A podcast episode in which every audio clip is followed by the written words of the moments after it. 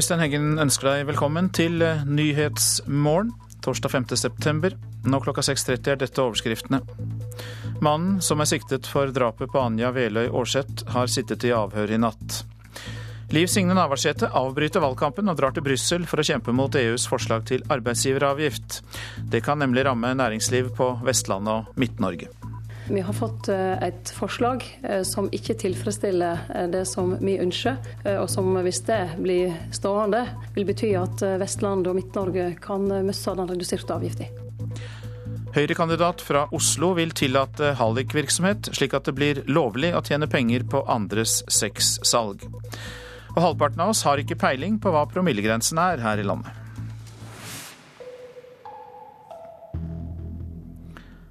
Mannen som er siktet for drapet på Anja Veløy Aarseth, har sittet i avhør i natt. I går kveld pågrep politiet i Ålesund en tidligere straffedømt 24-åring for drapet. Onsdag i forrige uke blir en kiosk rana i Ålesund. Samtidig drar den 21 år gamle studenten Anja Veløy Aarseth på joggetur. Hun kjører opp til Byfjellet i Aksla i Ålesund. Ifølge vitner er ransmannen og drapsmannen samme person. I går ble den 24 år gamle mannen pågrepet og sikta for forsettlig drap på Anja Vele Aarseth og for grovt ran. Det var DNA-funn som satte politiet på sporet. Mannen er tidligere straffedømt for vold, trusler, narkotikabruk og ulovlig besittelse av våpen. Sist gang han ble dømt var januar i år. Politiets DNA-funn matcha én person i politiets register, den 24 år gamle mannen. Den sikta skal ha dratt ut av Ålesund dagen etter drapet. Til VG sier en kamerat av mannen at han reagerte på 24-åringens oppførsel. Han var sykelig opptatt av drapet og leste nyheter hele tiden. Han kunne ikke legge bort mobiltelefonen, sier vennen. Han forteller at han ba 24-åringen om å legge fra seg mobilen, og spurte ham til slutt om det var han som hadde gjort det. Det nekta han for, jeg synes han virket rolig ellers, sier vennen til VG. I natt har politiet avhørt mannen, og i dag fortsetter etterforskninga. Reporter Marit Gjelland. Kommunalminister Liv Signe Navarsete avbryter valgkampen for å kjempe mot Brussel. Neste uke kan nemlig EFTAs overvåkningsorgan bestemme seg for at eh, Vest- og Midt-Norge, bedrifter der, må betale full arbeidsgiveravgift. Pipelife-fabrikken her i Surnadal produserer nesten 70 tonn plastrør i døgnet. De betaler under halv arbeidsgiveravgift, men det er ikke sikkert EØS-avtalens kontrollorgan ESA godtar denne regionalstøtten lenger. I så fall dramatisk, sier administrerende direktør Kjell Larsen. Og Hvis man i tillegg da, tar med i vår samfunnsmessige betraktning at vi kjøper varer og tjenester regionalt på Nordmøre for nesten 100 millioner i året, vi har 100 ansatte der, så det er klart at det får store konsekvenser. Det er midt i valgkampinnspurten, men på Liv Signe Navarsetes kontorpult ligger en flybillett tur-retur Brussel. Lederen i Senterpartiet kaster seg på flyet i dag fordi hun frykter for arbeidsplasser på Vestlandet og i Trøndelag. I dag skal jeg ha et møte med ESA-presidenten eh, for å drøfte rammen for eh, den differensierte arbeidsgiveravgiften i Norge. Vi har fått eh, et forslag eh, som ikke tilfredsstiller eh, det som vi ønsker, og som hvis det blir stående, vil bety at Vestlandet og Midt-Norge kan miste den reduserte avgiften. Bedrifter i sentrale strøk må i dag betale en avgift på over 14% til staten, på toppen av lønnsutbetalingene. At en rekke bedrifter vest og midt i landet slipper langt billigere unna, mener ESA og EU kan være diskriminerende. Dette landet har store avstander og spreid folkesettene i deler av landet. Det koster rett og slett mer eh, å få varene produsert og fram til en marked.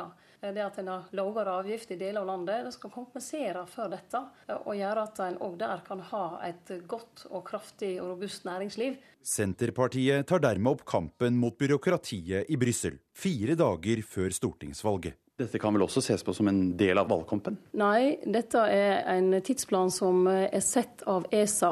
Vi hadde en frist til 26.8 til å levere våre skriftlige innspill. Så var det ferie fram til 1.9, og dette var den første mulige dato vi kunne få et politisk møte, og det må vi selvsagt ta.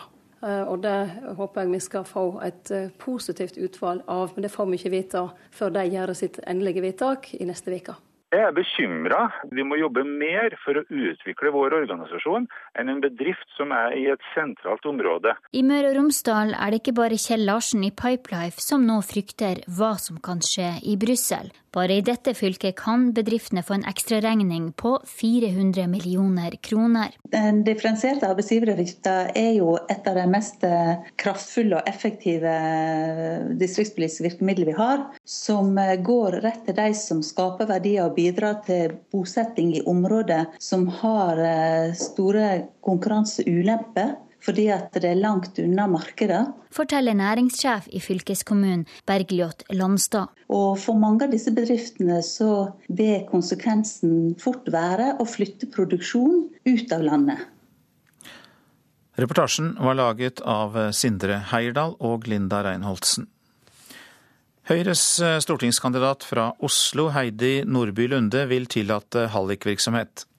Hun mener det må bli lovlig å tjene penger på andres sexsalg, både på utleie av hotellrom og tilrettelegging av prostitusjon.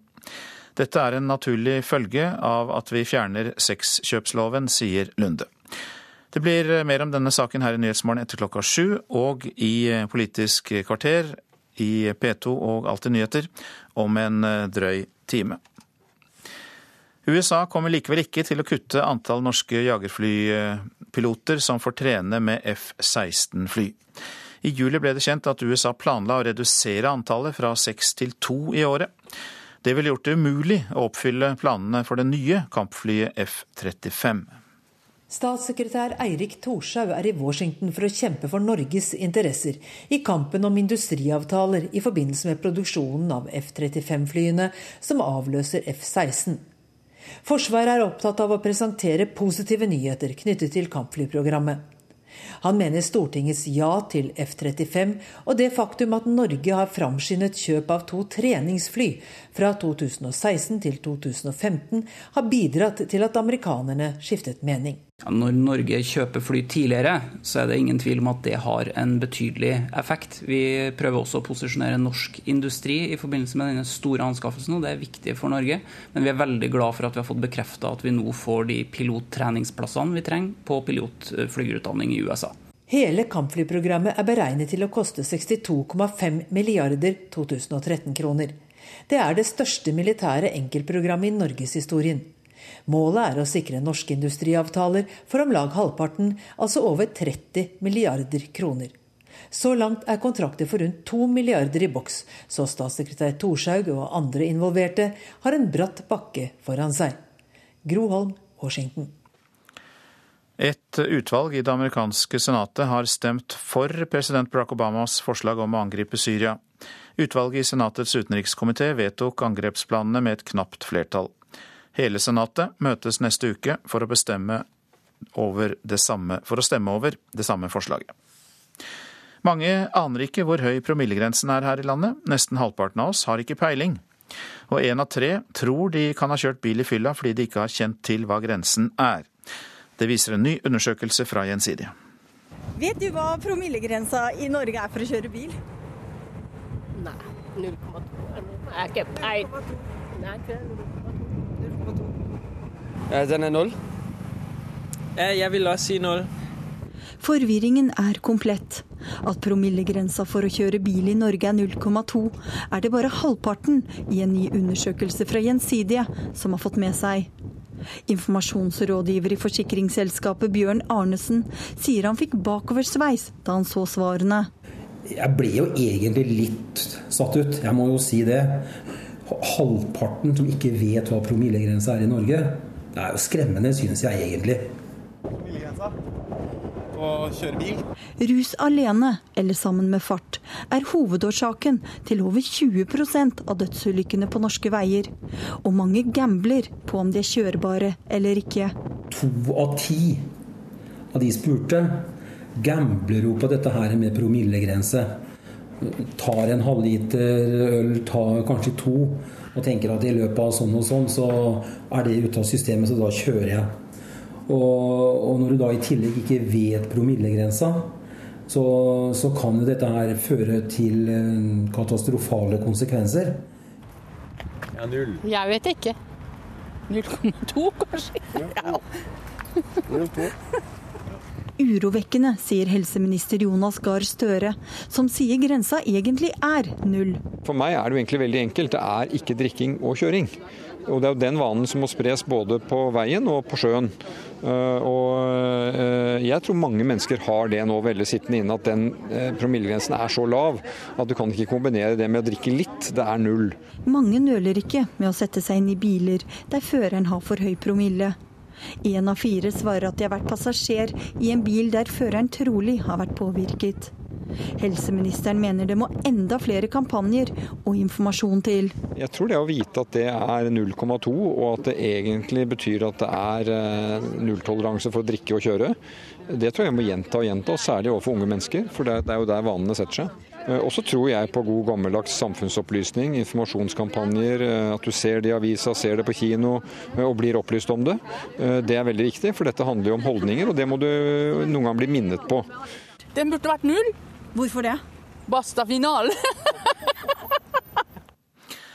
ja, det var Anette Torjussen som var ute og sjekket hva folk visste om promillegrensen. Så til avisene. En tidligere voldsdømt mann er tatt for drapet på Anja Veløy Aarseth i Ålesund. Det er eh, forsideoppslag i Bergens Tidende. Den siktede var sykelig opptatt av Anja-saken, sier venner av den drapssiktede til VG. Anja kan ha vært et tilfeldig offer, for siktede var trolig på flukt fra et mislykket kioskran. Det skriver Dagbladet. Har aldri tenkt på ham som kriminell, det sier en av naboene til den siktede til Bergensavisen. Solkraft tar av og gir vekst i Norge, kan vi lese i Aftenposten. Det er ventet en fortsatt kraftig vekst i salg av solcellepaneler, og flere norske selskaper er på banen. Jeg tenker bare på å vinne, sier Christian Røkke, som er sjef for Aker Philadelphia Shipyard. Milliardærsønnen sier han ikke har noen framtid i Kjell Inge Røkkes Aker hvis han ikke leverer. Så langt i år har kursen i, eh, på aksjene i skipsverftet steget med 500 30% av bøndene sier de vil legge ned gardsbruket dersom Høyre får regjeringsmakt. Det viser en undersøkelse gjort av Agri Analyse for Nasjonen. Høyres næringspolitiske talsmann Svein Flåtten tror ikke bøndene har satt seg godt nok inn i partiets politikk. Lei av Høyre-hersing er oppslaget i Klassekampen. Siv Jensen og Per Sandberg finner seg ikke i at Høyre avlyser Fremskrittspartiets politikk. Og de to varsler at Frp skal snu Norge på hodet. Borgerlig Syria-politikk er kvalmende dobbeltmoralistisk, det er oppslaget i Dagsavisen. Rødt-politiker og lege Mats Gilbert angriper politikere som åpner for å støtte USAs angrep på Syria, men likevel ikke vil ta imot flere syriske flyktninger. SV ofrer dyrket mark, det er oppslaget i Adresseavisen. Nesten 1000 mål jordbruksland kan bli bolig- og næringslivsområder i Trondheim, for miljøvernminister Bård Vegar Solhjell sier ja til utbygging. Bordbønn, gudstjenester og konfirmantundervisning skal ut av skolen, skriver Vårt Land. Barneombud Anne Lindboe krever mindre Jesus i skolen, mens biskop Laila Riksåsen Dahl frykter at elevene blir religiøse analfabeter. Jeg har fått livet i gave. Ja, det sier 41 år gamle Inger Helen Hjemvold fra Tromsø. Hun fikk nytt hjerte og ny nyre for tolv uker siden. Nå skal hun løpe KK-mila i Oslo på lørdag.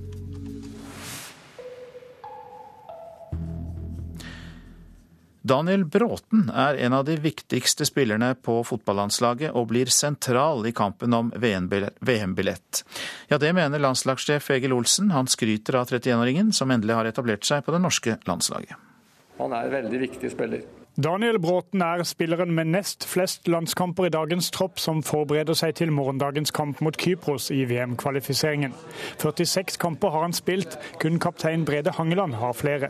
Og kapteinen er enig i at Bråten har en viktig rolle i landslaget. Ja, Han har jo vært med lenge nå, og, og han er en uh, lun og fin type. Litt, uh, kanskje litt uh, noe for seg sjøl, men en utrolig fin fyr som har masse erfaring nå, og som vet hva som skal til. og, og definitivt en av de som virkelig drar lasset i denne gjengen. her. Motivasjonen er på topp etter at Bråten nylig skiftet klubb til danske FC København.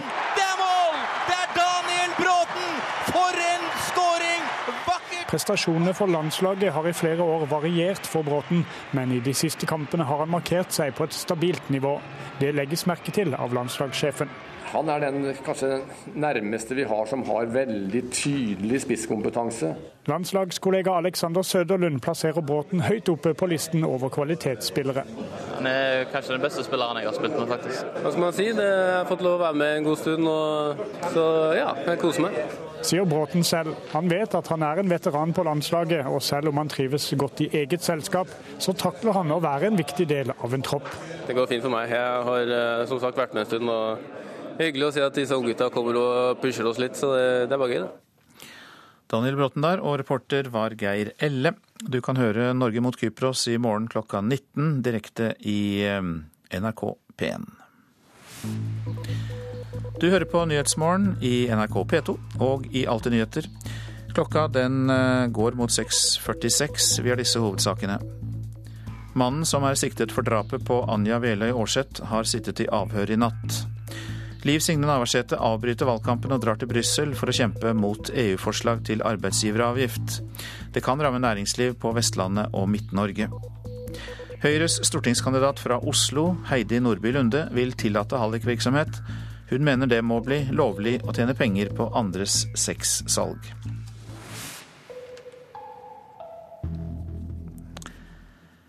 En rekke av de mindre private barnehagene sliter med å overleve. For to år siden endret regjeringen reglene, slik at de private barnehagene får bevilget penger ut ifra hvor mye kommunen selv bruker på sine barnehager. Vi ville satse på kvalitet, kvalitet, kvalitet i alle ledd. Så viser det seg det at vi kommer til å slite tungt. Drømmen til Toril Seliussen var den perfekte barnehagen. Hei sann, er du på sykkeltur? Men fra bygginga starta til Drømmehagen barnehage sto ferdig på Frekkhaug i Mæland, hadde drømmen blitt et mareritt. To av de ti millionene Seliussen skulle drive barnehage for, hadde forsvunnet. Og det har vært hardt. Så det, vi har minimumbemanning. Det vi opplever i Mæland er skyggesiden av det finansieringssystemet vi har i dag. Det ser Arild M. Olsen i Private barnehagers landsforbund. I 2011 endra regjeringa reglene, slik at tilskuddet til de private barnehagene ble regna ut fra hvor mye kommunene bruker på sine egne kommunale barnehager. For Mæland kommune, som sliter økonomisk, har kutt i kommunale barnehager ført til enda større kutt i de private. Du får uheldige utslag. Det ansvaret må storting og regjering ta. Venstre vil umiddelbart etter valget starte prosessen med å få på plass et finansieringssystem. Det sier nestleder i Venstre, Terje Breivik. Dette går direkte utover kvaliteten på de oppvekstvilkårene som vi tilbyr ungene våre. SV-leder Audun Lysbakken vedgår at systemet ikke er godt nok. Jeg reagerer jo på eh, det som i noen kommuner ser ut til å være en bevisst politikk for å spare penger. Det kan vi ikke ha. Han mener kravene til bemanning må skjerpes for å tvinge kommunene til å bruke mer på både private og kommunale barnehager. Hei sann, er du på sykkeltur? I Drømmehagen barnehage vet ikke Toril Seliussen hvor lenge pengene strekker til. Vi jobber faktisk måned for måned nå for å se at vi klarer det. Det er veldig, veldig skuffende. Reporter Sølve Rydland. For første gang i partiets historie risikerer SV å bli uten representant fra Nordland på Stortinget etter valget. I en meningsmåling som NRK presenterer i dag, ligger SV an til å bli uten mandat fra et av sine kjernefylker. Kan jeg by deg en brosjyre for SV? Det er noen få stemmer for at uh, vi kan få en stemme på Stortinget mot uh, oljeboring og for uh, videre oljefritt Lofoten og Vesterålen. Og det regner jeg med du er for. Ja, bare hyggelig. Hei, hei, kan jeg by deg en brosjyre for SV? Han har en stor jobb å gjøre før valget. SVs toppkandidat Marius Jøsevold i dag på velgersanking i Bodø. For en meningsmåling utført av Infact for NRK, Helgelandsblad og Brønnøysunds Avis viser at Jøsevold og SV mangler 2000 stemmer på å sikre en plass på tinget blant Nordlands ni plasser. Det er over 50 år med SV-historie som nå hviler på hans skuldre. Så lenge Sosialistisk Folkeparti og senere Sosialistisk Venstreparti har vært representert på Stortinget, har partiet hatt mandat fra Nordland. Det er en situasjon som jeg egentlig ikke har reflektert så veldig mye over, for jeg føler meg ganske sikker på at det her skal vi klare. Jeg oppfatter at det er bare noen få stemmer som avgjør om vi skal få fire år på, på Stortinget fra SV i Nordland, og det skal jeg klare. Hva er du opptatt av? Jeg er opptatt av at det ikke skal bores i Lofoten. Ja, men da er det jo SV som bør få din stemme. Men klarer ikke Jøsevold å kapre flere stemmer enn de 5,6 prosentpoeng partiet får på dagens måling, så blir Jøsevold paradoksalt nok selv historisk med negativt fortegn. Og SV-veteran Stein Ørnhøi syns det er trist at partiet nå også sliter tungt i et av sine viktigste kjernefylker. Men jeg er jo litt lei meg hvis det er slik at folk i Nordland ikke synes at SV som parti har gjort jobben sin. Arbeiderpartiet 45,9, Fram 5,5. Høyre med 25,5, tilbake 3 prosentenheter. SV 10,4, Fram 3,1.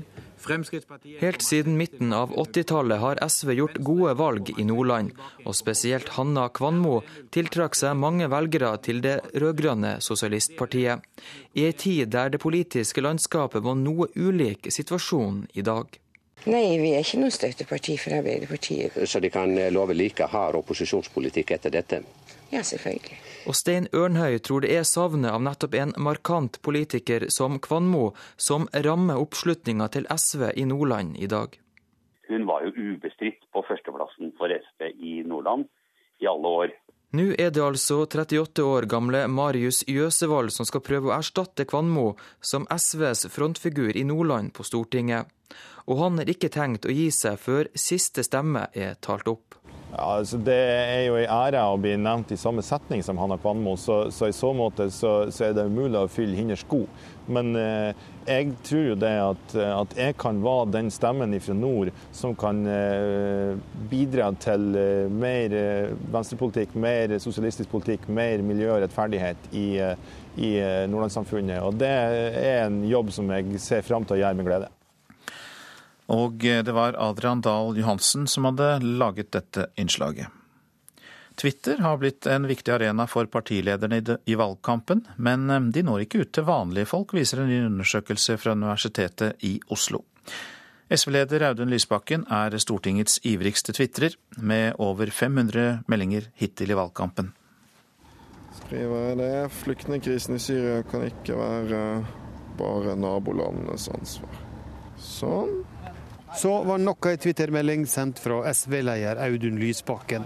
Han er en ivrig bruker av sosiale medier. Twitter bruker han for å diskutere politiske saker med folk. Nå har jeg prioritert å fortsatt være til stede der, selv om jeg reiser veldig mye i valgkampen. Og det er rett og slett fordi jeg tror det har blitt en mye viktigere politisk arena. Det er ganske mange som følger med på politisk debatt gjennom sosiale medier. Men Lysbakken når ikke så bredt ut, skal vi tro en ny undersøking fra Universitetet i Oslo. I samband med prosjektet Sosiale medier og valgkamp har forsker Anders Olof Larsson sett på hvem politikerne snakker med på Twitter. Undersøkelsen viser at partilederne hovedsakelig når ut til andre politikere og journalister. Til å begynne med er det ganske tydelig at de forholder seg til et nettverk av personer eh, som er relativt unike for hver og en av politikerne. Vil si eh, de som Audun Lysbakken prater med, tenderer ikke å bli tiltalt på Twitter av andre politikere. Okej, och vilka är det då som finns i de här klustren? Eh, det tenderer mest å være personer som har eh, posisjoner i noen slags offentlighet. Altså journalister, andre politikere, fast ikke fra det samme partiet oftest. Men medan Lysbakken er kongen av Twitter, er Fremstegs partileder Siv Jensen dronninga av Facebook. Der fikk jeg en ukentlig oppdatering som forteller meg at jeg i løpet av den siste uken har fått nesten 7000 nye følgere.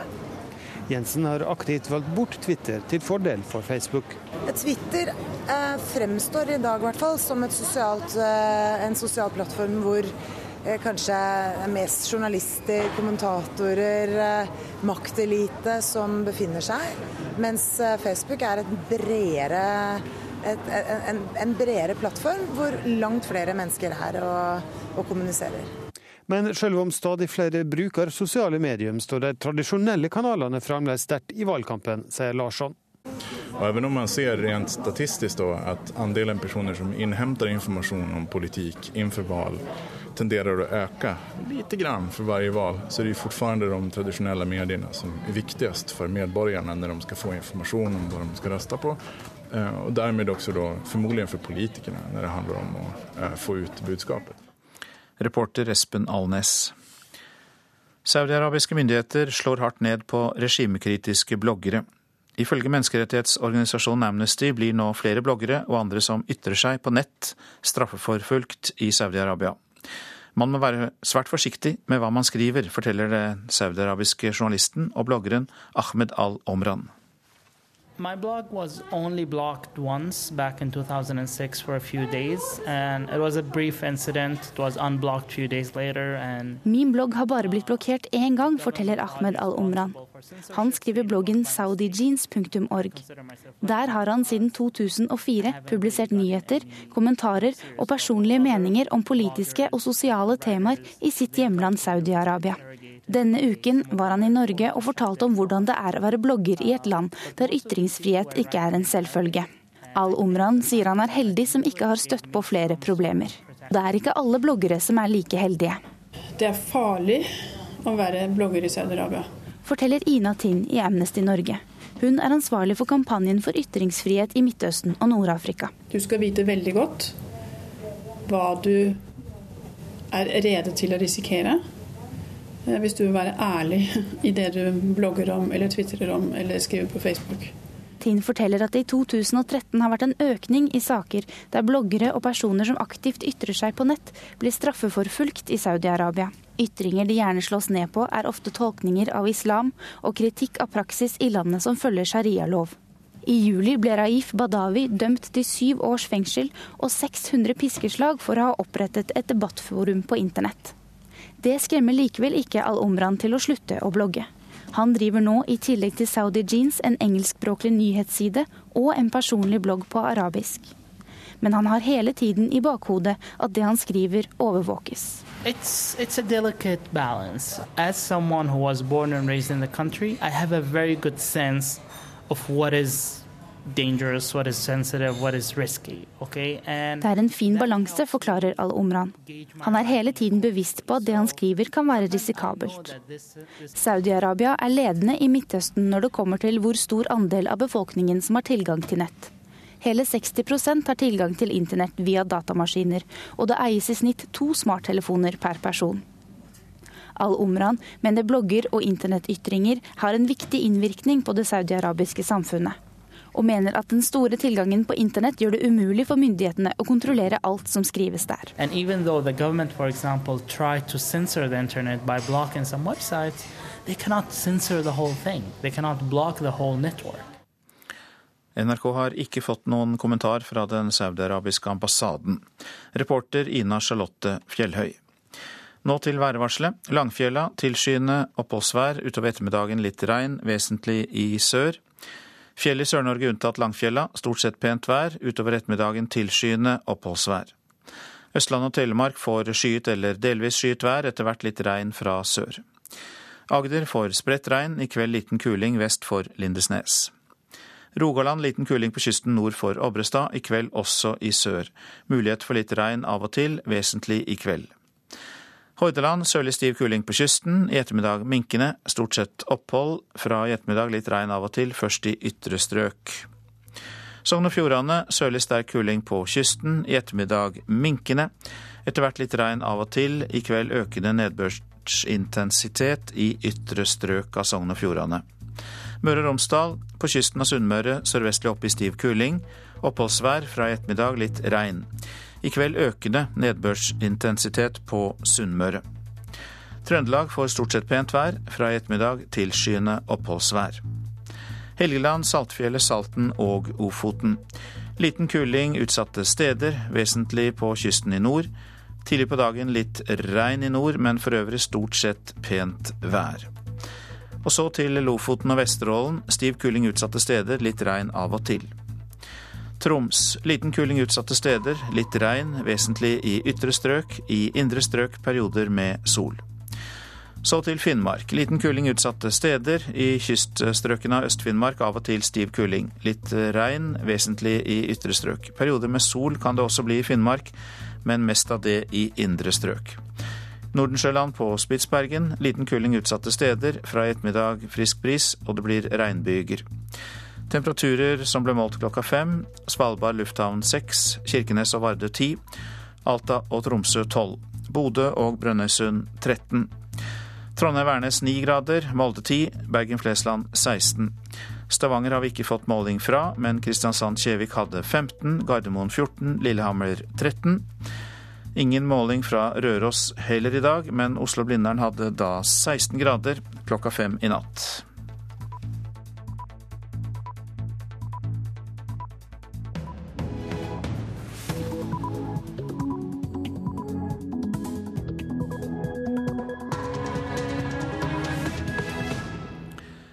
Klokka sju, dette er P2s Nyhetsmorgen med en uh, nyhetsoppdatering. Mannen som er siktet for drapet på Anja Veløy Aarseth, har sittet i avhør i natt. Kapasiteten er sprengt på krisesentre over hele landet, men eh, dårlig kommuneøkonomi gjør at hjelpetilbudet flere steder er skåret til beinet. Akkurat nå så har vi smekkfullt her. Vi har tatt i bruk eh, ekstra stue der vi har gjort om til beboerrom og sånn. Wenche Hovland ved krisesenteret i Sogn og Fjordane. Liv Signe Navarsete avbryter valgkampen for å kjempe mot Brussel. Bedrifter i Norge står i fare for å miste redusert arbeidsgiveravgift. I dag skal jeg ha et møte med ESA-presidenten eh, for å drøfte rammen for eh, den differensierte arbeidsgiveravgiften i Norge. Vi har fått eh, et forslag som ikke tilfredsstiller det som vi ønsker, og som hvis det blir stående, vil bety at Vestlandet og Midt-Norge kan miste den reduserte avgiften. Høyre-kandidat vil tillate hallikvirksomhet. Men vi ønsker i hvert fall ikke at dersom det blir, eh, dersom det blir kjøpt sex eh, fra en leilighet eller fra et hotellrom, at hotellet eller utleier skal bli dømt for å være hallik, når de antageligvis ikke engang visste om at virksomheten foregikk. Høyres stortingskandidat Heidi Nordby Lunde. Og følg med, så eh, skal du få høre om en 16 år gammel Høyre-politiker som stilte i skoledebatt i Ap-bastionen Høyanger.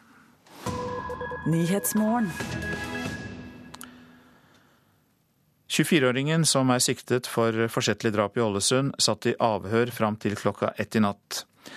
Han har fått oppnevnt forsvarer, men det er fortsatt ukjent om han innrømmer å ha hatt noe med drapet å gjøre. Mannens forsvarer er Reidar Andresen, som har representert siktede i tidligere saker, bl.a. i en sak i januar der han ble dømt for vold mot en politimann. Avhørene pågikk fram til ett-tiden i natt, og det er fortsatt ikke kjent hvordan han stiller seg til spørsmålet om straffskyld. Forsvareren skal møte sin klient i løpet av dagen. På en pressekonferanse i går opplyste politiet at det var DNA-treff som ledet til pågripelsen. Pågripelsen for uh, drapet skjedde jo da på bakgrunn av tekniske bevis, og at vi også kan sikte han for ransforsøk. Det har altså med vitneobservasjoner å gjøre. 50 politifolk etterforsket saken bredt i sju dager. I går fikk de altså svar på DNA-prøvene. De ble avgjørende i denne saken, fordi den siktede mannen allerede var domfelt og registrert i DNA-registeret. 21 år gamle Anja Veløy Aarseth ble funnet drept lørdag på fjellet Aksla over Ålesund der hun la ut på en joggetur onsdag kveld. Pågripelsen er en lettelse for mange her, også for familien. Denne familien de har levd i en sjokkpreget sorg etter at datteren først forsvant og så ble funnet drept. Mange uløste spørsmål. Eh, dette er en eh, familie som er i en dyp sorg. Det sa bistandsadvokat Einar Råen. Reporter Martin Fjørtoft. Høyres stortingskandidat Heidi Nordby Lunde vil tillate hallikvirksomhet. Hun mener det må bli lovlig å tjene penger på andres sexsalg, både på utleie av hotellrom og tilrettelegging av prostitusjon. Dette er en naturlig følge når vi fjerner sexkjøpsloven, sier Lunde. Andre tredje etasje. Så vi får gå på se. De tror de har funnet frem. Politiet kan og skal jakte de som kjøper sex, men også den eller de som legger til rette for prostitusjon eller leier ut lokaler til prostitusjonsvirksomhet. Yes, where are you now? Maybe I come to Oslo next time. Slik er loven, men Høyre vil endre sexkjøpsloven. Stortingskandidat Heidi Nordby Lunde fra Oslo vil også endre hallikparagrafen. Fordi Prinsipielt sett så syns vi det er betenkelig at en lovlig handling mellom to voksne samtykkende mennesker skal forbys. Det er den ene siden av den. Den andre siden er at hvis man vil bekjempe menneskehandel og grov utnyttelse av enkeltpersoner, så er det regulert andre steder i loven. Og Da mener vi at det må settes ressurser inn på det, istedenfor å legge til et nytt. Men Hva er det du vil jentene skal få lov til som de ikke får lov til i dag? F.eks. sier de at det ville vært tryggere for dem å kunne jobbe sammen. To venninner som eh, jobber sammen, fører til mer trygghet. Dersom de gjør det i dag, så vil den ene kunne bli tiltalt som hallik eller for å drive bordellvirksomhet. Særlig hvis de utøver da sin virksomhet fra en av de, jentenes leilighet. De som vil legge til rette for prostitusjon, eller hoteller og boligeiere, bør ikke lenger dømmes. Dersom det blir kjøpt sex fra en leilighet eller fra et hotellrom, at hotellet eller utleier skal bli dømt for å være hallik, når de antageligvis ikke engang visste om at virksomheten foregikk. Hun mener lovverket i dag ikke virker etter intensjonen. Hvis man vil bekjempe menneskehandel og grov utnyttelse av enkeltpersoner, så er det regulert andre steder i loven. Partiprogrammet sier ikke noe om hallikbestemmelsene Lunde vil ha med seg partiet. KrF-nestleder Dagrun Eriksen tror ikke hva hun hører. Så jeg er veldig overraska og veldig skuffa over Høyre i denne saken. Som mulig regjeringspartner vil KrF verken endre hallikbestemmelsene eller sexkjøpsloven.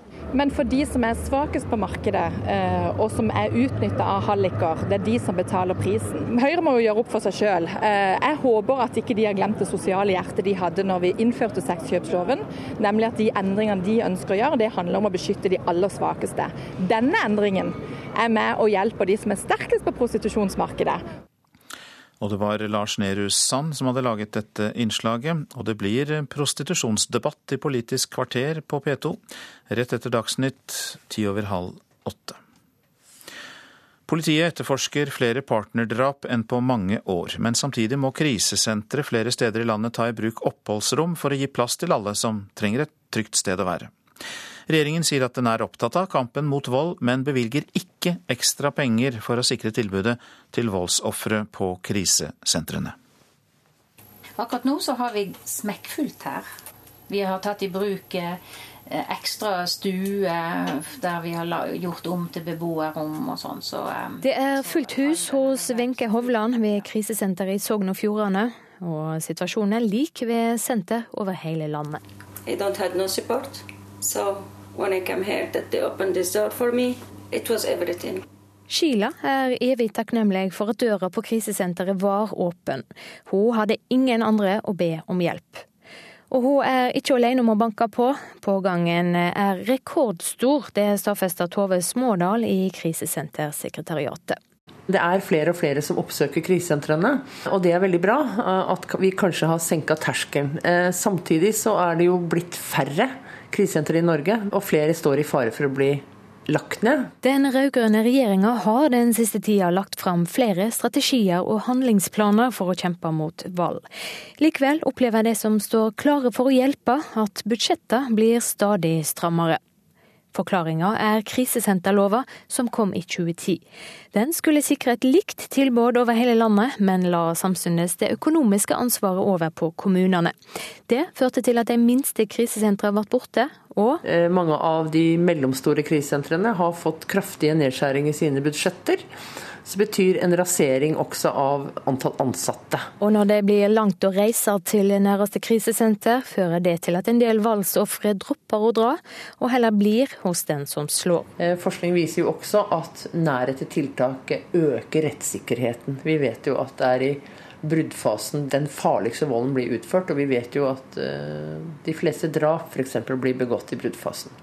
Samtidig som krisesentra er fulle, blir over halvparten av drapene som skjedde første halvår i år, etterforska nettopp som partnerdrap. Det er veldig alvorlig. Det sier barne-, likestillings- og inkluderingsminister Inga Marte Thorkildsen. Hun kan likevel ikke komme med ekstra løyvinger til overfylte krisesenter før krisesenterlova er ferdig evaluert. Det er over ett år til. Vi jobber med hvordan vi skal få bedra tilbudet i krisesentrene. Vi evaluerer nå innholdet i det og skal komme tilbake til konkrete tiltak. Vi opplever stadig mer alvorlige saker. Mye drapstrusler. Mange av de som trenger hjelp, har utenlandsk bakgrunn. Sheila forteller at mange er redde for å bli satt på gata dersom de går ifra overgriperen.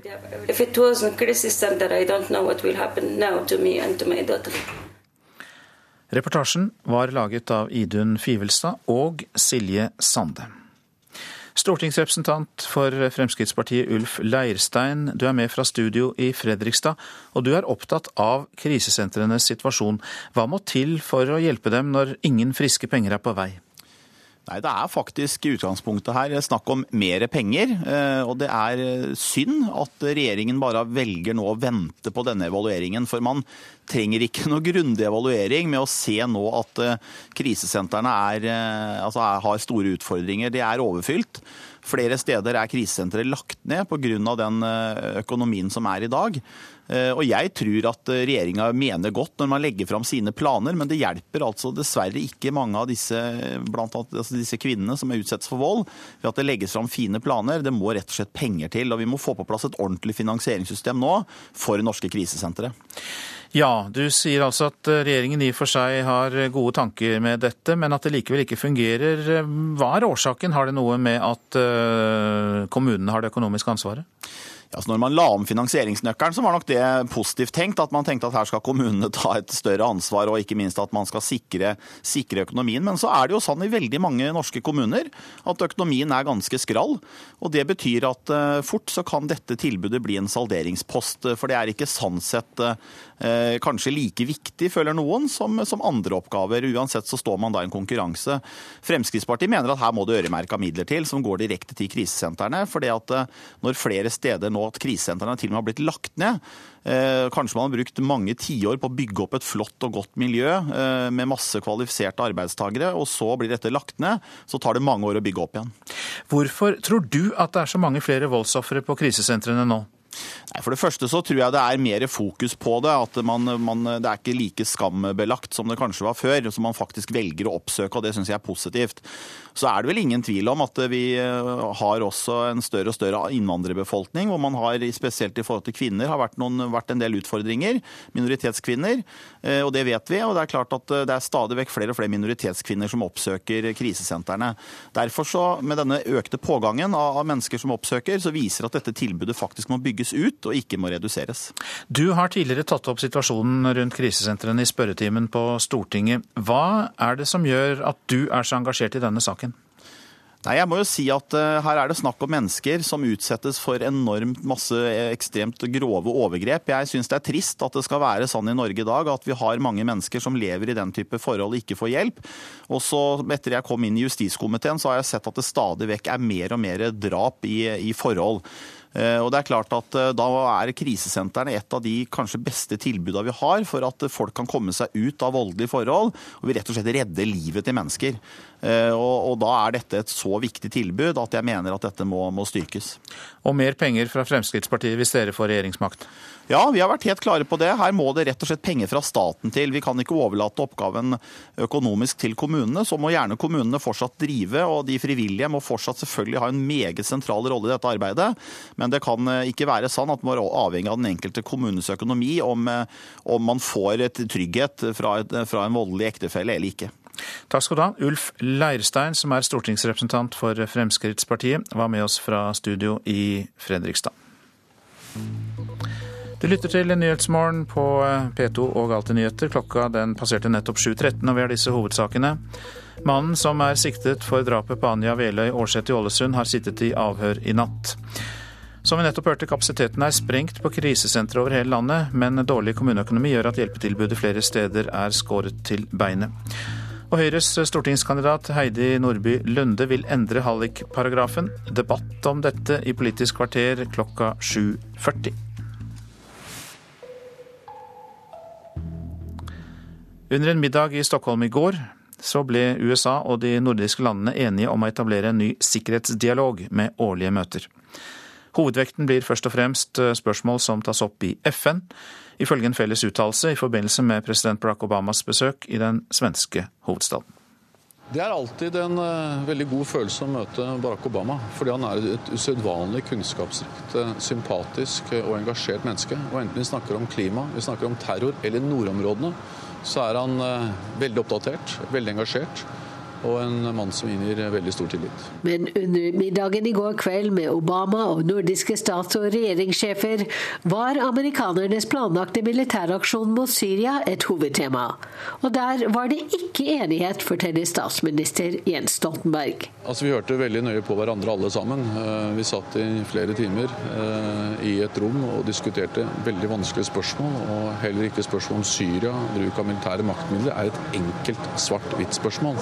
Alle forstår at det er dilemmaer. Alle er oppgitt over at FN er eh, så langt vært maktesløse. Og alle ser hvor galt det er at, et, eh, at det kan brukes kjemiske våpen. Og det er så vanskelig å få til felles reaksjoner. Men fra norsk side og fra svensk side så ble det altså understreket at for oss er FN-mandat eh, viktig i denne type saker. Formiddag avslutter Obama sitt Sverigebesøk og reiser videre til G20-møtet i St. Petersburg. Norden og de baltiske landene håper å nå fram med forsøkene på å få Russland med på en generell fordømmelse av bruken av kjemiske våpen. Han vil jo ta opp dette med president Putin i St. Petersburg. Og det vil altså bli gjort nye forsøk på å få saken inn for Sikkerhetsrådet, og at det blir fattet vedtak der. For alle er enige om at det er det beste. Wenche Eriksen var reporter i Stockholm. Tidligere USA-korrespondent Joar Hoel Larsen, du er her i studio. Ja, det er alltid en god følelse å møte Obama. Det sa Jens Stoltenberg, som vi hørte her, Joar Hoel Larsen. Men enig var de jo slett ikke?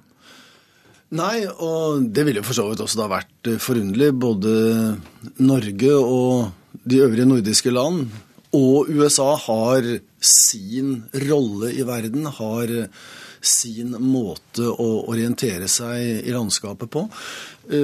Obama ga uttrykk for at han hadde stor forståelse for at FN spiller en, en, veldig stor rolle i de nordiske lands både innen- og utenrikspolitikk. Det gjør det i USA også, USA i alminnelighet, og i særdeleshet så har det jo gjort det for Obama. Han var veldig opptatt av å gjenreise FN da han overtok etter George W. Bush. Men akkurat i dette spørsmålet, når det gjelder kjemisk bruk av kjemiske midler i, i krigføringen i Syria og gjengjeldelse, så har det et visst nyansert syn på hvordan dette skal gjøres i, i henhold til internasjonale regler. Så, så det, det, blir det da debatt ut av og uenighet om. I går kveld så var det jo da en eh, middag, nordisk middag med Barack Obama. Eh, kom det noe konkret ut av den?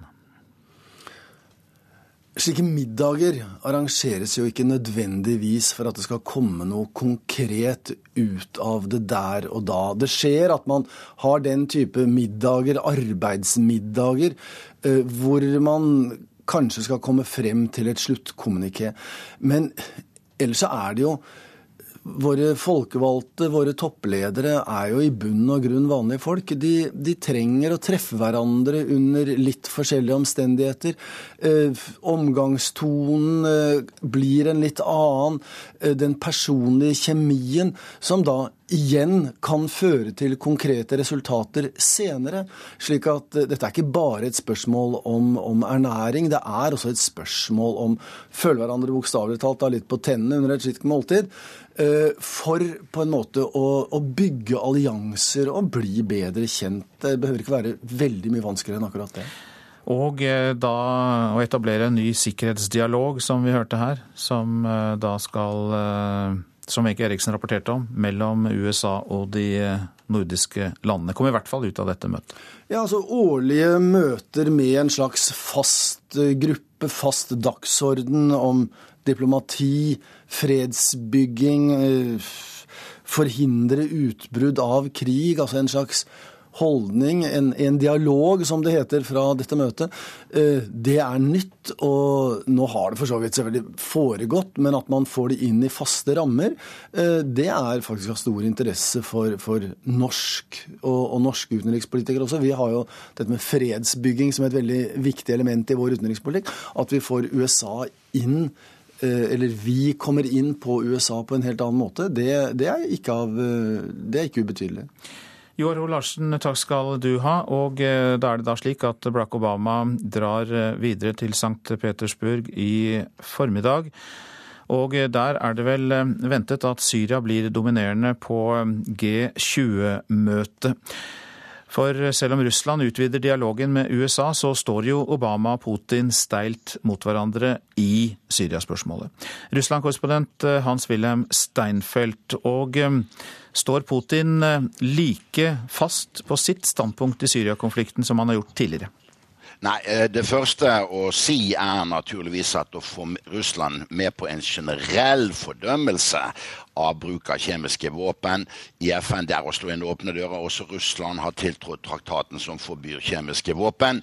Men eh, i går kveld fikk hele det russiske folk vite at dersom FNs sikkerhetsråd får lagt frem objektive beviser som på et overbevisende sett eh, dokumenterer at det var den syriske regjeringshæren som brukte kjemiske våpen i Syria 21.8, så utelukker ikke Putin at han kan komme til å støtte en resolusjon som fordømmer det syriske regimet. Imidlertid sier også Putin og står fast på det, at dersom USA uten et FN-mandat skulle gå til luftangrep på Syria, er dette aggresjon og et grovt brudd på internasjonal rett. Nå offentliggjorde også russisk utenriksdepartement i går en, eh, ja, sin egen teori om hvem som kan ha brukt nervegass i Syria. Ja, eh, Russerne har jo en militærbase i, Syria, og syriske, eh, russiske eksperter har funnet en hylse som det ble, ble brukt til å skyte ut eh, denne kjemiske gassen, og har fremmet en teori om at det var en av opposisjonsgruppene, som for øvrig står Al Qaida ganske nær, som skal ha konstruert det kjemiske våpenet og skutt det ut. Men den slags dokumentasjon er russisk på samme måte som den amerikanske er amerikansk slik at bevisbyrden ligger på FN-inspektørene. Så dette bare litt sånn for å vise muskler på utredningssiden fra russisk side forut for G20-toppmøtet. Nå er det jo slik at eh, USA og Russland faktisk utvider dialogen eh, seg imellom. Og hvordan skal den skje? Jo, lederne for Dumaen og eh, føderasjonsrådet, Narysjkin og eh, Matvienka, drar med hver sin delegasjon samlet til Kongressen. Dette støttes av Putin, og Putin sier at kanskje parlamentarikerne i dialog kan få bedre frem Russlands syn overfor amerikanerne. For det er jo åpenbart at Obama og Putin ikke har noen stor forståelse for hverandre for tiden. Eh, Obama har avlyst et plan planlagte besøk her i Russland i forlengelsen av G20-toppmøtet i St. Petersburg som starter i dag, ehm, så eh, er det jo da et stort spørsmål om Kongressen støtter Obamas plan om et luftangrep før de russiske parlamentarikerne rekker frem. I så tilfelle har denne dialogmuligheten begrensede sjanser. Mange takk skal du ha, Russland-korrespondent Hans-Wilhelm Steinfeld. Og det er altså G20-møte i dag i eh, St. Petersburg.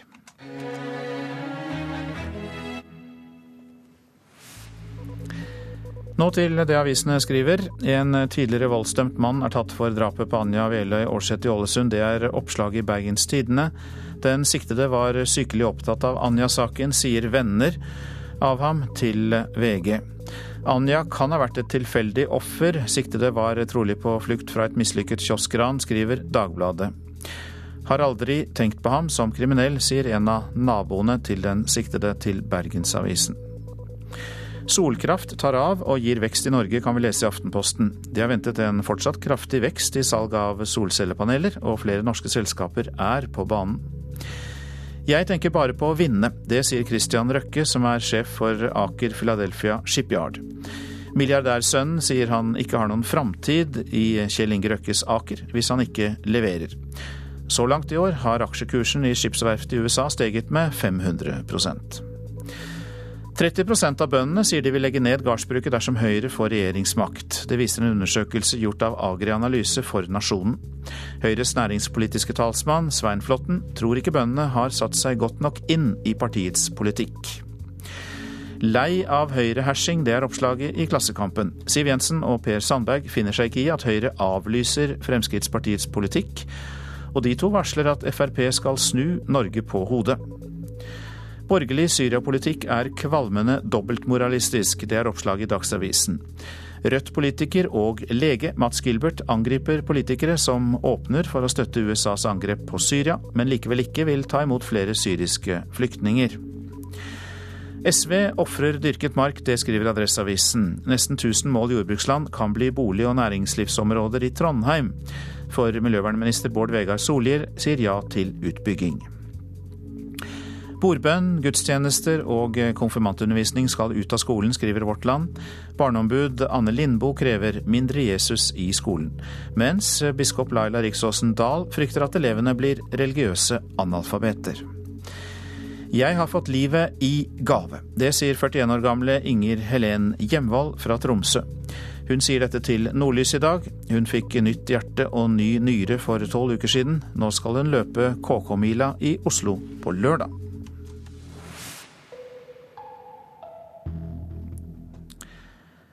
Mange ungdomspolitikere har denne sommeren og høsten eh, fått sitt første møte med en tøff og hard valgkamp. Denne uka stilte en 16 eh, år gammel høyrepolitiker til skoledebatt i Arbeiderpartibastionen Høyanger i Sogn og Fjordane.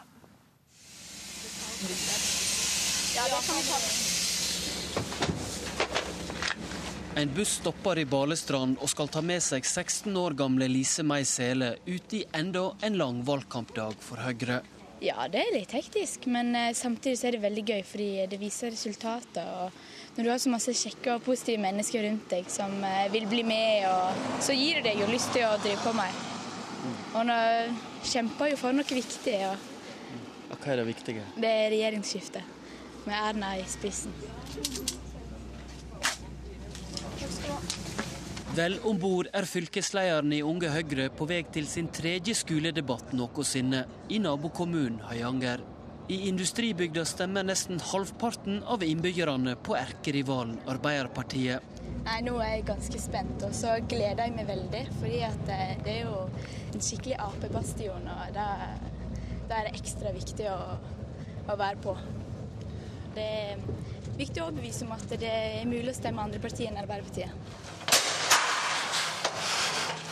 Framme på Høyanger videregående skole setter Lise May Sele opp valgplakatene før skoledebatten starter.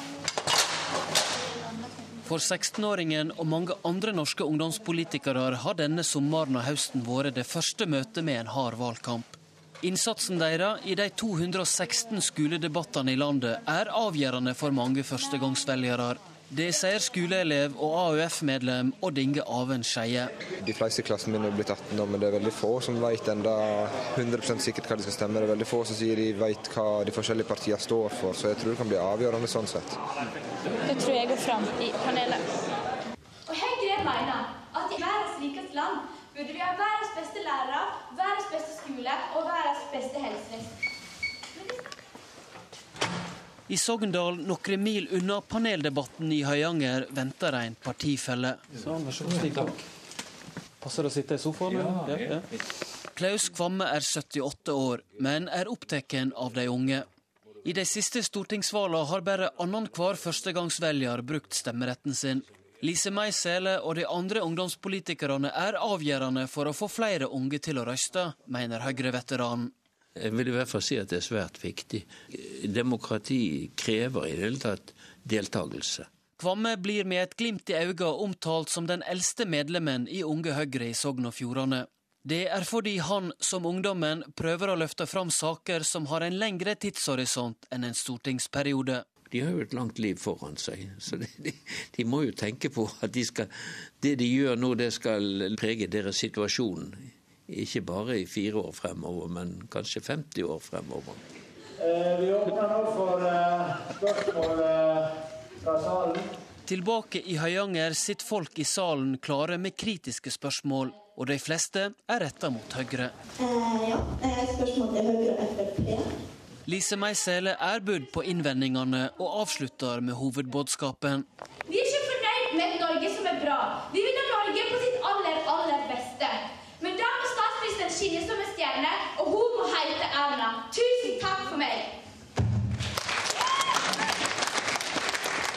Og i skolevalget i Høyanger så ble Lise May Svele og Høyre det tredje største partiet med 13% reporter Noralv Pedersen. Vi tar med at Telenor legger ned sin film- og TV-tjeneste Comoyo View. Konkurransen fra giganter som Netflix, iTunes og HBO ble for eh, tøff. Og så Politisk kvarter er denne uken utvidet og begynner straks etter Dagsnytt, og der blir det debatt om hallikparagrafen. Prosent for Nyhetsmorgen i dag, Eli Bjelland. Her i studio, Øystein Heggen.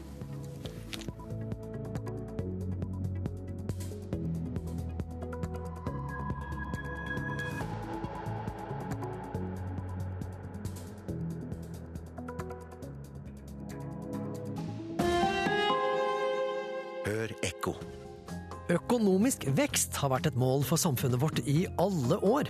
Men bærekraftig er den jo ikke, all denne veksten. Den må stanses. Men går det egentlig an? Stanse forbruket og senke veksten? Vil ikke økonomien da klappe sammen? Ekko 9 til 11 i NRK P2.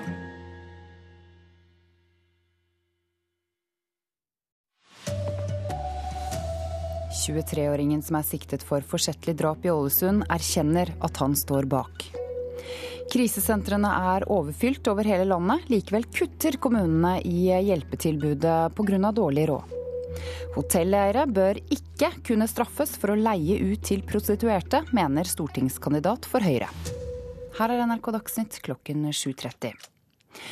Den 23 år gamle mannen i Ålesund erkjenner å ha drept 21 år gamle Anja Veløy Aarseth. Han innrømmer likevel ikke straffskyld. Det sier mannens forsvarer Reidar Andresen. Den 23 år gamle siktede Ålesund-mannen satt i går kveld og i natt i lange avhør ved politihuset i Ålesund. Ja, Så langt så har jeg i samråd med klienten eh, avklart at jeg kan si følgende. og Det er at han har erkjent overfor politiet og overfor meg at han har forvoldt denne kvinnens død. Det er jo en dypt tragisk sak for alle involverte. Og eh, Nå er min oppgave å ivareta klienten oppi dette. Familien til den drepte Anja Veløy Aarseth er takknemlige for at så mange har engasjert seg etter drapet. Det sier bistandsadvokat Einar Råan. Familien har registrert dette engasjementet, og de setter stor pris på det. At så mange har brydd seg om denne saken. Det har varmet og virket støttende for familien. Det er litt over syv dager siden den 21 år gamle studenten forsvant mens hun var på joggetur på byfjellet Aksla i Ålesund. Noen dager etter fant politiet Anja drept. Siden da har politiet i Ålesund med hjelp av Kripos etterforska drapet.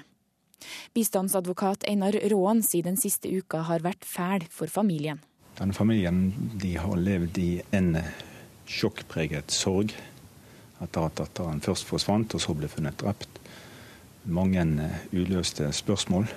Dette er en familie som er i en dyp sorg. I natt har den sikta mannen sittet i avhør med politiet. I tillegg til forsettlig drap er mannen sikta for grovt ran, som skal ha skjedd samme dag, forteller Yngve Skovli, politiadvokat i Sunnmøre politidistrikt. Pågripelsen for drapet skjedde jo da på bakgrunn av tekniske bevis, og at vi også kan sikte han for ransforsøk. Det har altså med vitneobservasjoner å gjøre. På Folkehelseinstituttets DNA-lab fant de bevisene som knytter den siktede til drapet på Anja Veløy Aarseth.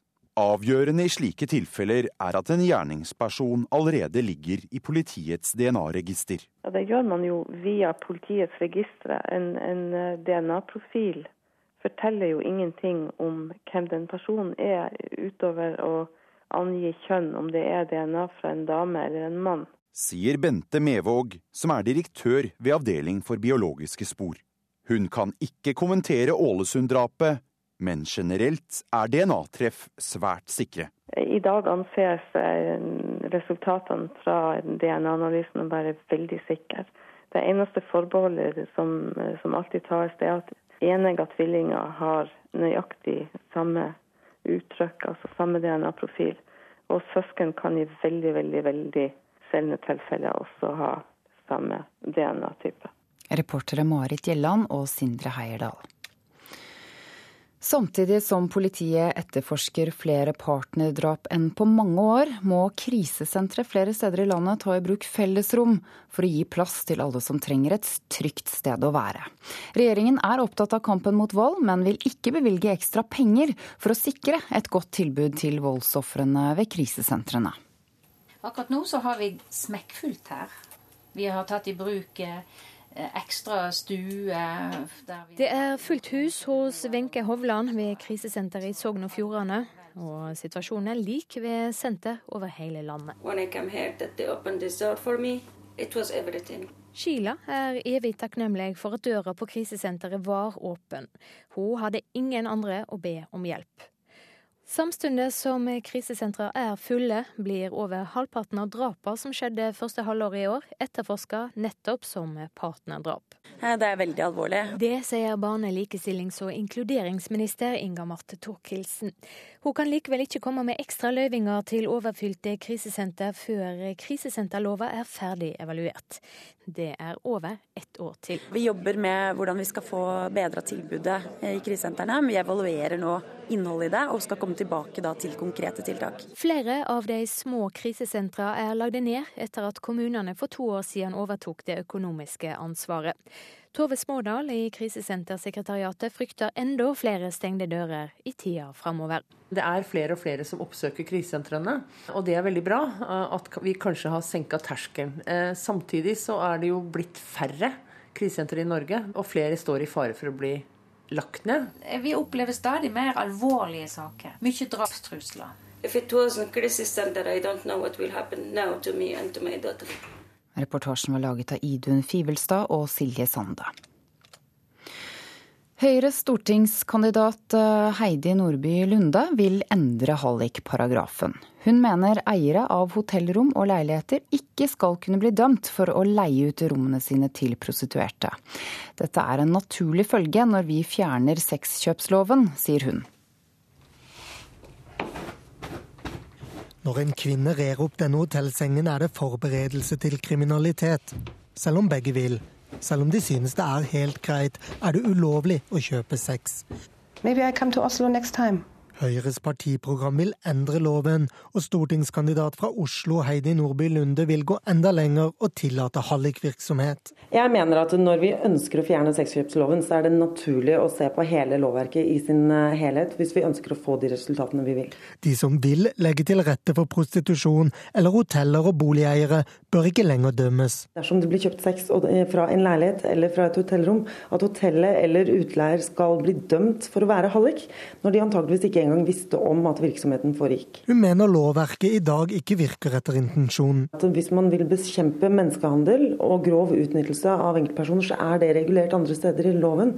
Partiprogrammet sier ikke noe om hallikbestemmelsene Lunde vil ha med seg partiet. KrF-nestleder Dagrun Eriksen tror ikke hva hun hører.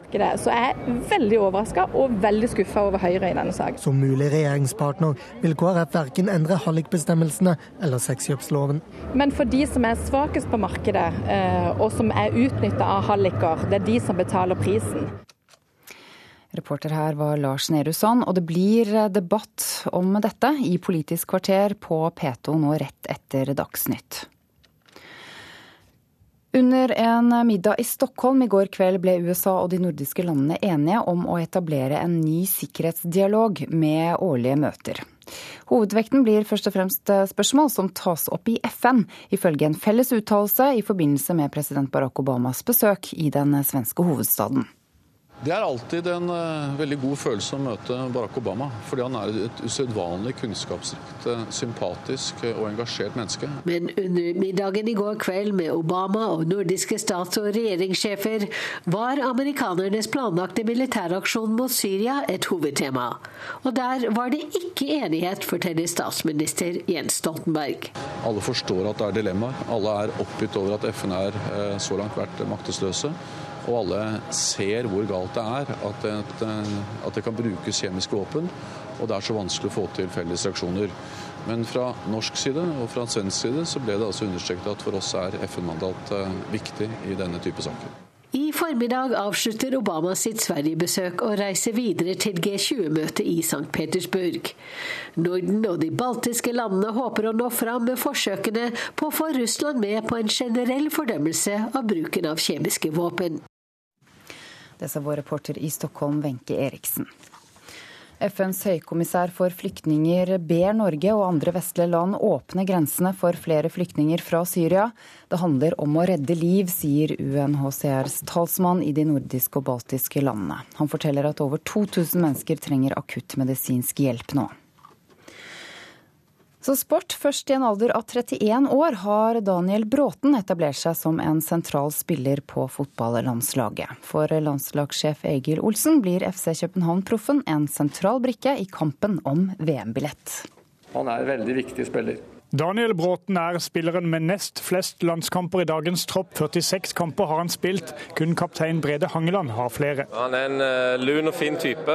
Definitivt en av de som virkelig drar lasset i denne gjengen her. Motivasjonen er på topp etter at Bråten nylig skiftet klubb til danske FC København.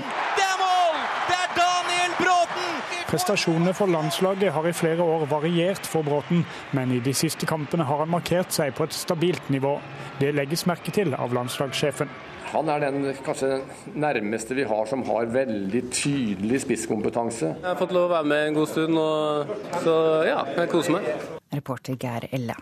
Ansvarlig for sendingene denne morgenen er Anne Skårseth, teknisk ansvarlig Per Ivar Nordahl. Jeg heter Ida Creed.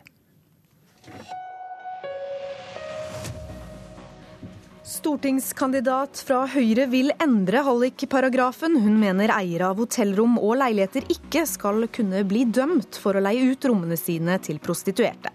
Og Frp sikter høyt i sluttspurten om velgerne, bokstavelig talt.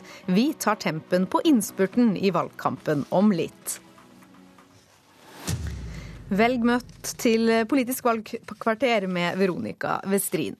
Og her er det klart for debatt om hallikparagrafen. For ordens skyld, paragrafen straffer den som fremmer andres prostitusjon, eller den som leier ut lokaler og forstår at lokalene skal brukes til prostitusjon, eller utviser grov uaktsomhet i så måte.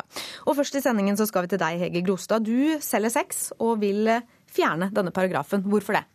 Ja, For det første, hallikparagrafen forbyr altså den tredjeparten som bistår i virksomheten til en sexarbeider. Det kan være snakk om en person, gjerne en annen sexarbeider, som booker flybilletter eller arbeidslokaler, bistår med markedsføring eller er sjåfør eller sikkerhetsvakt. Så det er snakk om en slags arbeidsgiver, da, som egentlig den paragrafen forbyr. Um, fire punkter på hvorfor hallikparagrafen bør fjernes. Uh, hallikparagrafen gir mer makt til denne tredjeparten, fordi den tredjeparten krever da ekstra godt betalt, fordi det innebærer risiko å være den som fremmer den andres prostitusjon. Det er en mekanisme som det er viktig å huske på. Nummer to. Sexarbeidere blir tvunget til å jobbe alene fordi hallikparagrafen forbyr samorganisering av virksomhet. Og det gjør at arbeidssituasjonen til sexarbeidere blir mer sårbar. Sexarbeidere ble også ekskludert fra å kunne beskyttes av arbeidsmiljøloven, siden det er forbudt å ansette en sexarbeider. Så sexarbeidere får aldri mulighet til å beskyttes av den loven pga. hallikparagrafen. Det er ganske spesielt når Finansdepartementet siden midten av 90-tallet har sagt at sexarbeid er skattepliktig, og det er en ny tingrettsdom som sier at yrket også er momspliktig, der den dommen var prinsipiell, fordi dommerne tenkte seg at man da skal få rettigheter som andre arbeidere. Men sexarbeidere kan f.eks. ikke trekke fra sine utgifter på skatten, fordi hvis man oppgir i sitt regnskap hvilke utgifter man har, så angir man samtidig en uskyldig tredjepart. Så det er åpenbart at hallikparagrafen må fjernes i sin helhet hvis sexarbeidere skal få samme rettigheter som andre arbeidere. Og jeg oppfordrer alle politiske partier ikke bare til å fjerne sexkjøpsloven, men også oppheve hallikparagrafen. Men, men denne paragrafen er jo oppretta nettopp for å beskytte dem som selger sex. Vi vet jo at ikke alle gjør dette frivillig. Utnyttelse av eh, eh, sexarbeidere er forbudt via andre paragrafer. Hallikparagrafen forbyr kun fremming av andres prostitusjon eller mulighet for å leie trygge arbeidslokaler. Hvordan opplever du at den fungerer personlig i dag? Jeg tror den hallikparagrafen først og fremst er problematisk for dem som er litt mer ressurssvake.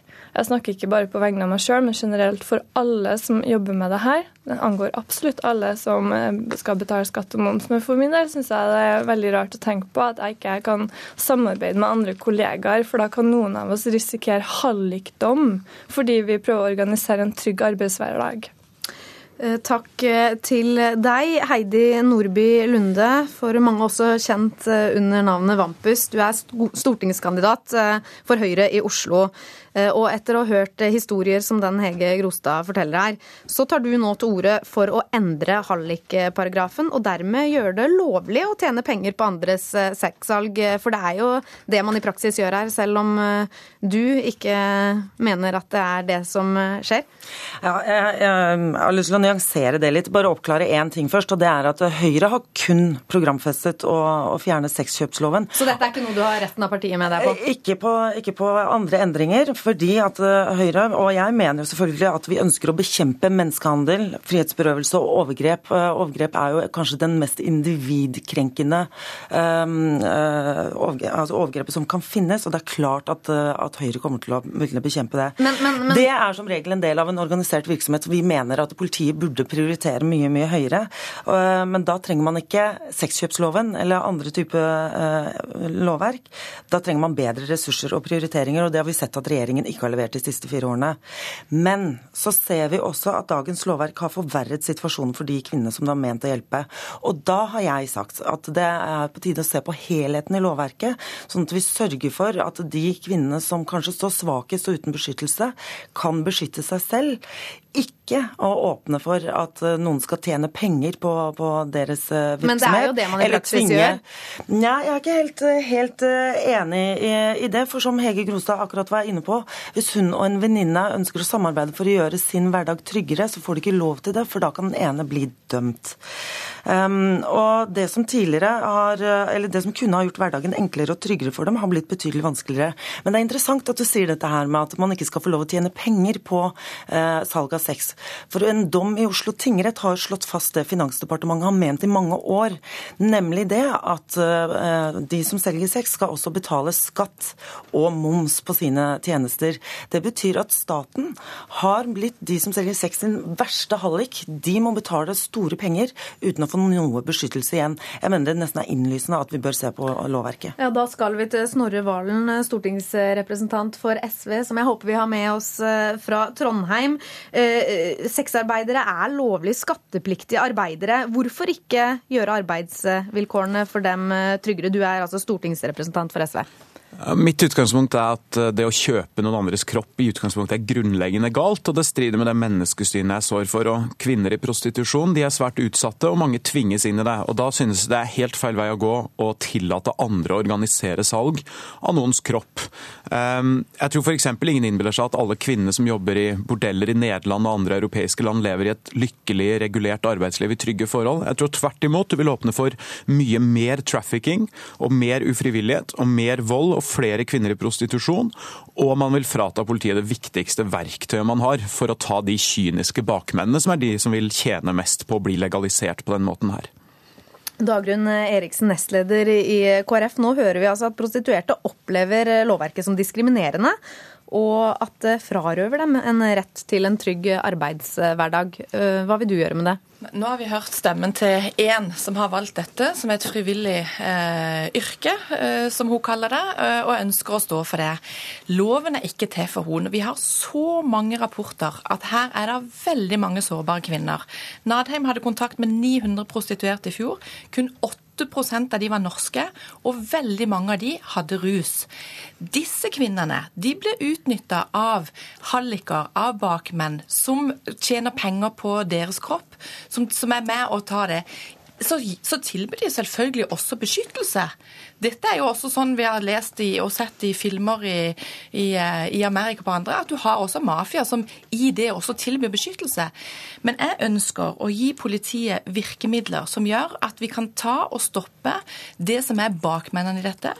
Jeg vil at vi skal kunne ikke se på dette som en naiv ting, at dette handler liksom om frivillige avtaler mellom voksne og få lov til å kjøpe sex. Vi har tre store illegale eh, markeder i, eh, i verden. Det er narkotika det er prostitusjon, og det er våpen. Det er veldig naivt å tro, eh, sånn som vi hører Heidi Nordby Lunde her, og jeg er veldig glad for at hun understreker at det er hennes private syn og ikke Høyres syn, at man ved å fjerne dette ikke er med å legitimere disse ganske kraftige kreftene som står bak. Nordby Lunde.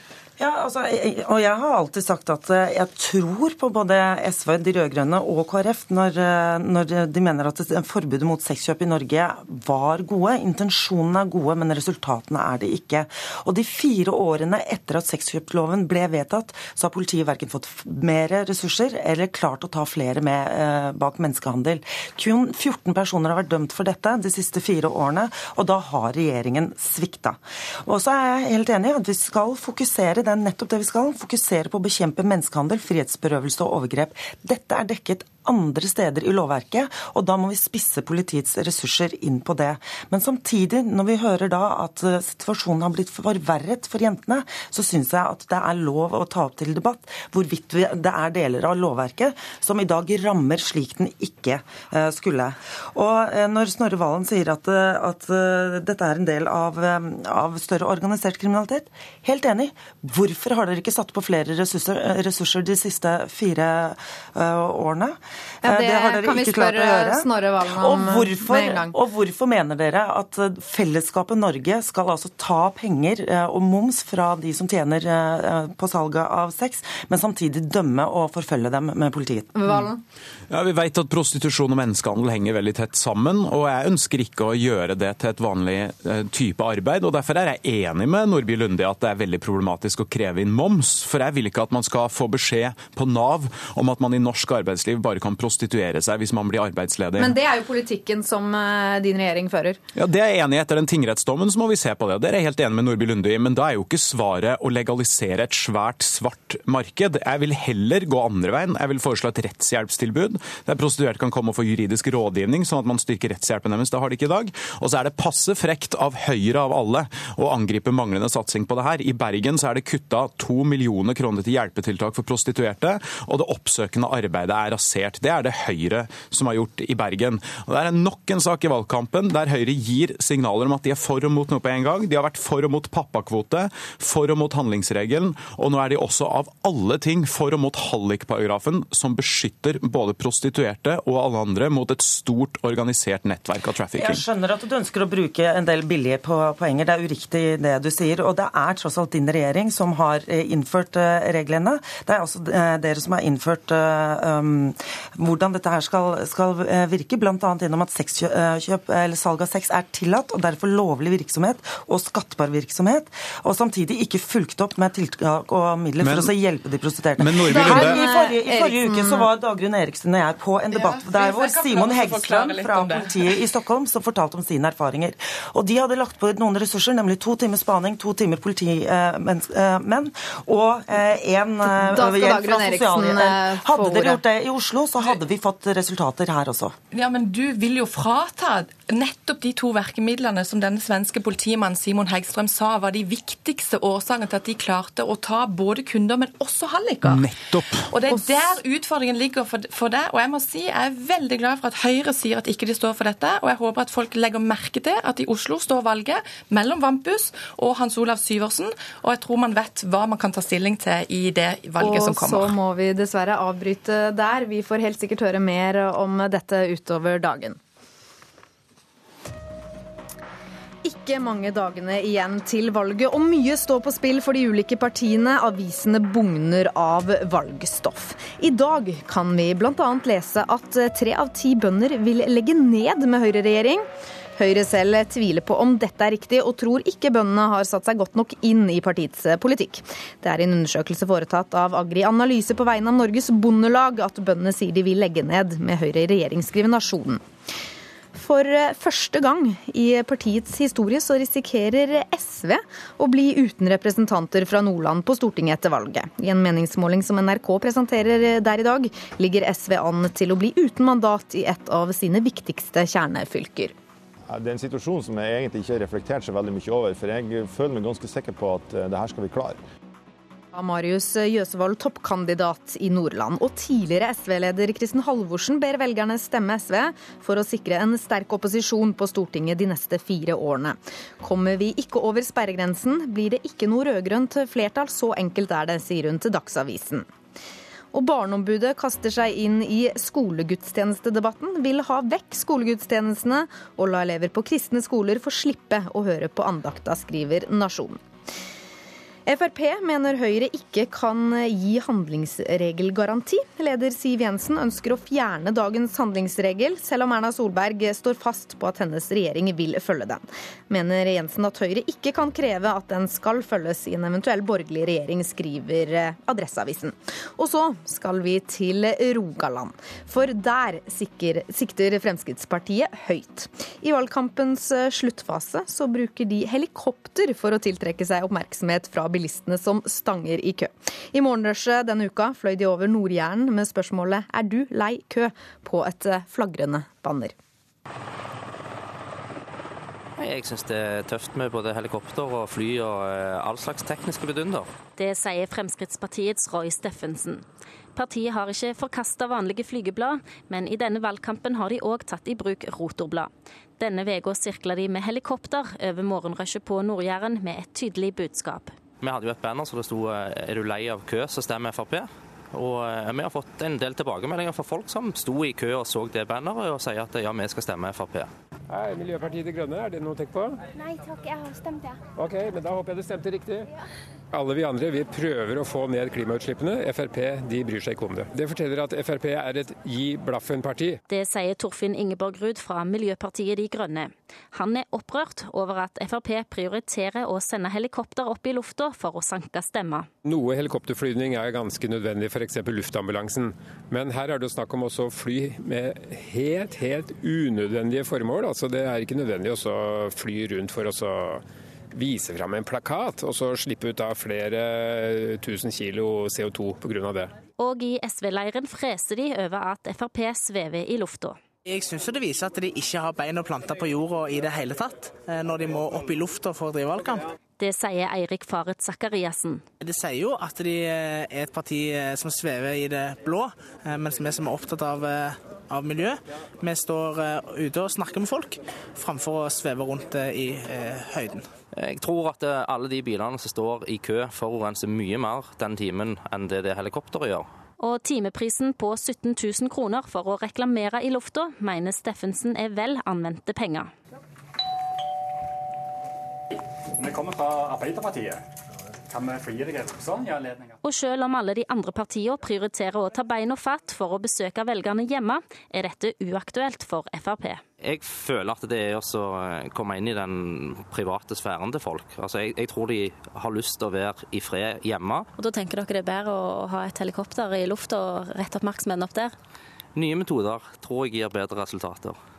Reporter i denne saken var Cecilie Berntsen Jåsund. Trine Eilertsen, politisk kommentator her i NRK. Valgkampen den tilspisser seg. Frp leier inn helikopter i jakten på stemmene, hører vi her. Og landet rundt så mobiliserer partiene nå for en siste innsats. Flere hundre tusen velgere har ikke bestemt seg ennå.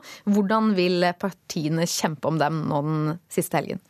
Det er i hvert fall ingen, ingen vits å legge seg på lottsiden, for det er veldig mange som bestemmer seg de siste dagene og den siste helgen. Så nå er jo Arbeiderpartiet og Høyre de tror jo på å banke på døra og møte velgerne ansikt til ansikt, og kommer til å ta en siste svær innsats på det nå, i håp om å flytte litt av hverandres flytvelgere over fra den ene blokken til den andre. For det er veldig viktig for begge to i denne kampen om å bli stor, og for Arbeiderpartiet er det jo veldig viktig å bli størst.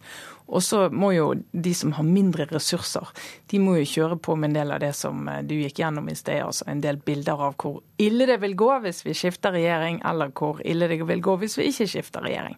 Ja, Kristin Halvorsen går som vi hørte i dag ut i Dagsavisen og ber velgerne stemme SV for å sikre en sterk opposisjon på Stortinget de neste fire årene. Jens Stoltenberg har jo hittil ikke vil snakke noe som helst om å være i opposisjon. Hva synes du om den strategien fra SV? Ja, Om det er en strategi, det, det kan man jo spørre seg om. For i hvert fall nå i valgkampen så har jo de rød-grønne partilederne stått sammen om at det er, et, rød-grønn regjering vi går til valg på, men de har ikke valgkamp sammen. Kjører helt separat parti for parti.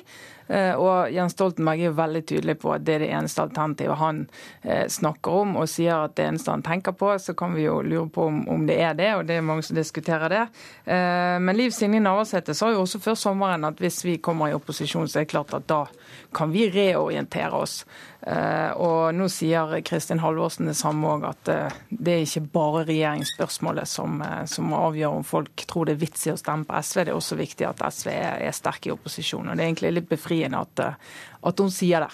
Ja, og så Hvis vi går over på det her med taktisk eh, stemmegivning, da, er det grunn til å tro uh, at mange vil gjøre det? Altså Høyrevelgere f.eks. som stemmer Venstre for å hindre en topartiregjering bestående av Frp og Høyre.